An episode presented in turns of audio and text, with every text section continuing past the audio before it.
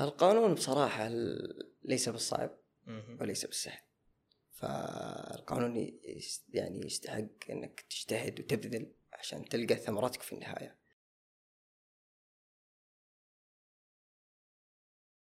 السلام عليكم. حياكم الله في بودكاست منارة. في هذا البودكاست راح نستعرض لكم التخصصات الجامعية نعرف عن عن إيجابياتها وسلبياتها ونتعرف أكثر عن التخصصات.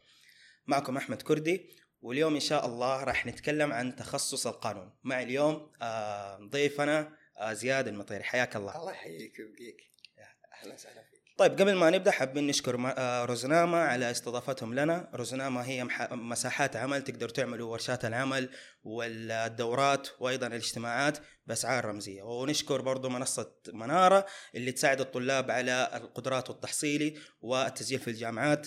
آه، على الشراكة مع قناة الدرفر وإنتاج هذا البودكاست.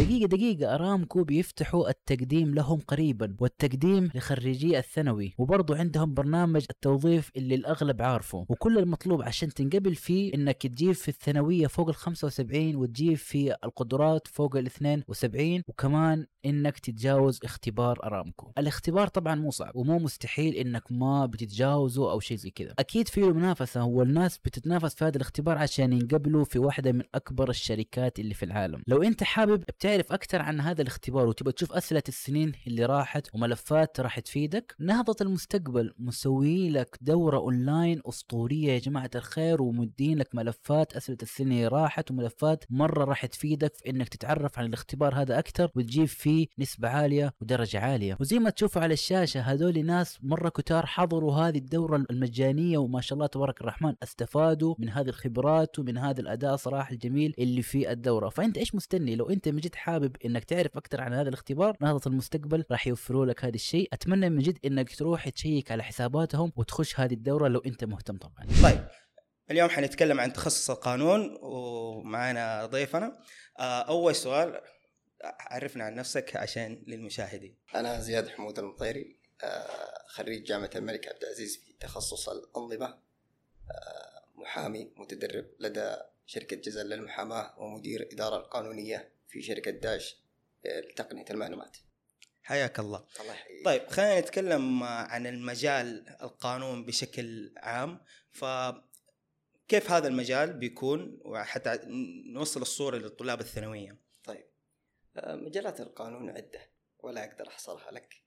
لأنه مجالات القانون آه، في منها الشرعي والقانوني في منها القانوني البحت في منها الشرعي.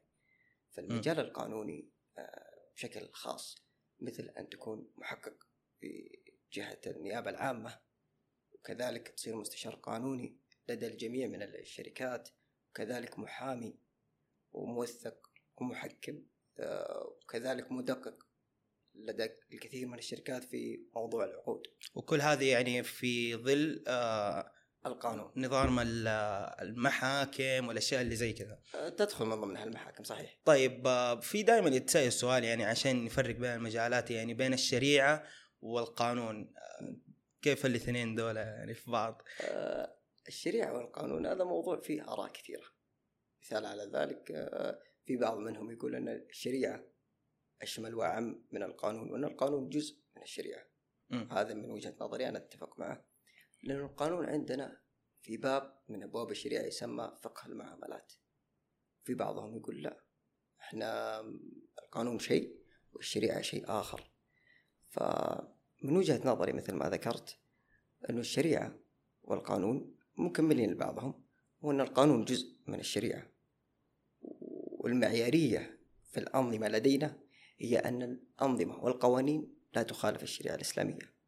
لذلك أنا مع الرأي الأول أن الشريعة أن الشريعة أعم وأشمل من القانون وأن القانون جزء منها. طيب آه، بالنسبة للقانون كتخصص كيف الواحد يقدر يوصل فيه؟ يعني إيش ال- الكلية اللي ممكن يدخل فيها وطبيعة الدراسة بالنسبة لهذا التخصص يعني؟ التخصصات آه، القانونية في المملكة العربية السعودية هو تخصص واحد يسمى الأنظمة.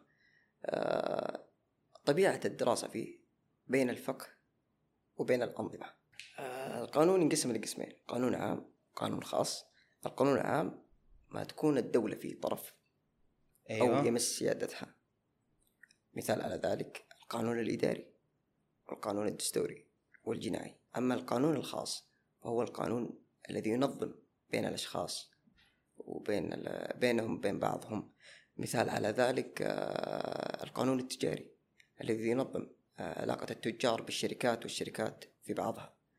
فالقانون عندنا ينقسم مثل ما ذكرت على قسمين.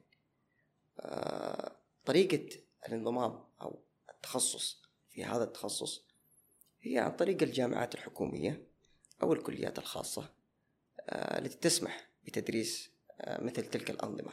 طيب بالنسبة لتخصص القانون آه كيف أنا أت- أقدر أدخل على هذا التخصص في أي كلية وإيش طبيعة الدراسة اللي ممكن يمر فيها الطالب يعني؟ طبعا التخصص آه، تخصص القانون آه، يمديك تتخصص في عدد آه، من التخصصات مثل كلية الحقوق عن طريق جامعة الملك عبد العزيز. لازم تمر على السنة التحضيرية هذا اللي مريت فيه أنا. وبعد ذلك تتجه للمعادلة للمعدلات ومن ثم تتخصص في موضوع ال- ال- ال- الأنظمة. اي فايت كلية. تكون؟ تكون في كلية الحقوق في جامعة إيه. الملك عبد العزيز تخصص الأنظمة. أنا. آه، آلية الدراسة وطبيعة عملها. فالدراسة تنقسم نوعين. فيه القانون العام وفيه القانون الخاص. مثال على ذلك في القانون الخاص هو التجاري والعمالي وكذلك الأحوال الشخصية. أما بالنسبة للقانون العام ففيه الإداري والجنائي وكذلك الدستوري. فأنت ما دام أنك لسه في مرحلة البكالوريوس مثل ما يقولون راح تدرسها كلها. لكن التخصصات هذه راح تتخصص فيها في مرحلة الماستر والدكتوراه حيث إنك تختار أحد التخصصين يا عام يا خاص ثم تتخصص فيها. يعني نقدر نقول إنه الدراسة حتكون بشكل عام في التخصصات ال- نعم بشكل عام نعم.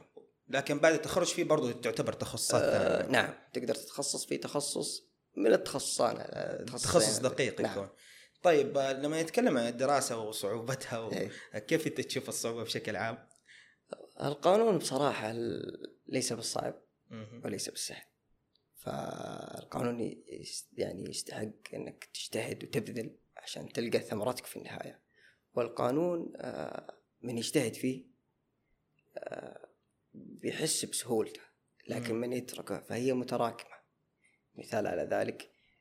أسس ثم تتعمق في تلك الأسس ثم تبني آه، أفكار آه، من وجهات نظر مختلفة أنت درستها. طيب على كلامك يعني بالنسبة للدراسة إيش هي المهارات أو الصفات اللي مثلا اللي يشوفها نفسه الطالب في الثانوية يقول أوه والله ينفع لي القانون وزي كذا؟ القانون بصراحة يحتاج إلى مهارة اسمها مهارة القراءة. أنت تحتاج تقرأ كثير تكون يعني. تقرأ كثير وتكون مطلع في هذه النقطة. لأن لو ما اطلعت أو ما قرأت آه، زي ما تعرف أن القانون من التخصصات أو الأنظمة من التخصصات المستحدثة. كل سنة سنتين يصدر نظام جديد كل شهر شهرين يصدر كذلك نظام جديد. فإذا أنت شخص لا تطلع ولا تقرأ فمن وجهة نظري غير تخصصك بصراحة لأن التخصص يحتاج إلى قراءة يعني هو من هذه التخصص المهارة الأساسية نعم. التخصصات اللي يعني آه، بتصير لها تحديث دائم على الدوام بالضبط. فلازم أنت تكون أول بأول يعني. أول بأول مطلع. وكذلك مهارة الكتابة. فالكتابة أنك تحتاج آه، تكون ماهر فيها. ويسمونها القانونيين ملكة القانونية أو الملكة القانونية. آه، وكذلك نظام المرافعات الشرعية غير آه، في الترافع من شفهيا إلى الكتابة. فأنت تحتاج أنك تكون شخص آه، تطور نفسك في الكتابة تكتب العقود واللوائح كذلك. وبالنسبة كذلك في مهارة آه، أنا أسميها تكوين العلاقات. فمن وجهة نظري آه، أنت كشخص بالذات في مهنة المحاماة تحتاج أنك تكون علاقة. لأجل أنك تبني سمعة. كذلك عندما تبني سمعة تأتيك القضايا. حلو. فإذا شخص آه، ما يهتم في أمور العلاقات فما أعتقد أنه بينجح في موضوع المهنة هذه. فمهنة المحاماة تحتاج إلى شخص يعرف الناس عليه. مثل ما يقولون يسوق لنفسه. يسوق لنفسه. عرفت علي؟ فنقطتي في هذه لابد أنك تكون مهارة.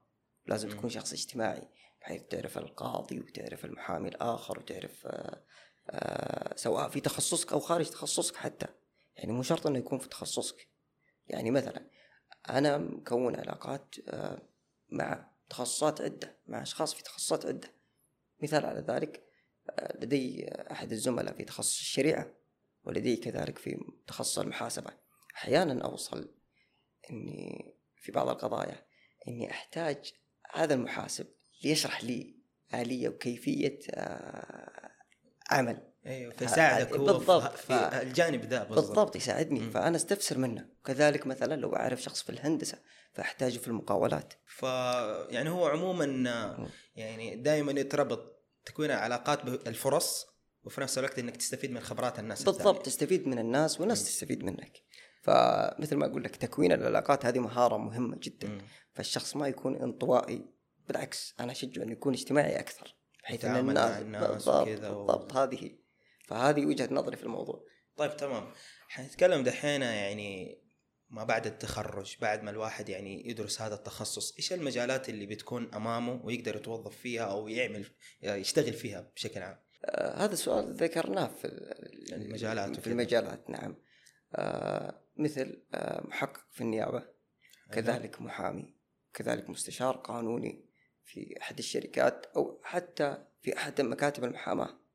عرفت علي؟ مم. ف قانوني في مكاتب المحاماة نعم نفسها أيوه. ممكن مستشار قانوني بحيث إن المحامين لأنه في فرق بين المحامي والمستشار القانوني فالمستشار القانوني آه، هو ما يكيف ال- ال- ال- النص النظامي لك حلو أما المحامي فهو ما يعني يعني متعارف عليه إنه هو اللي يترافع في الدعوة ويروح يتسلم القضية ويترافع فيها فالمستشار القانوني هو يعتبر مساعد أو مساند للمحامي. طيب بالنسبة لهذه المجالات اللي أنت ذكرتها آه كيف هي الرواتب في السلك القانوني هذا يعني؟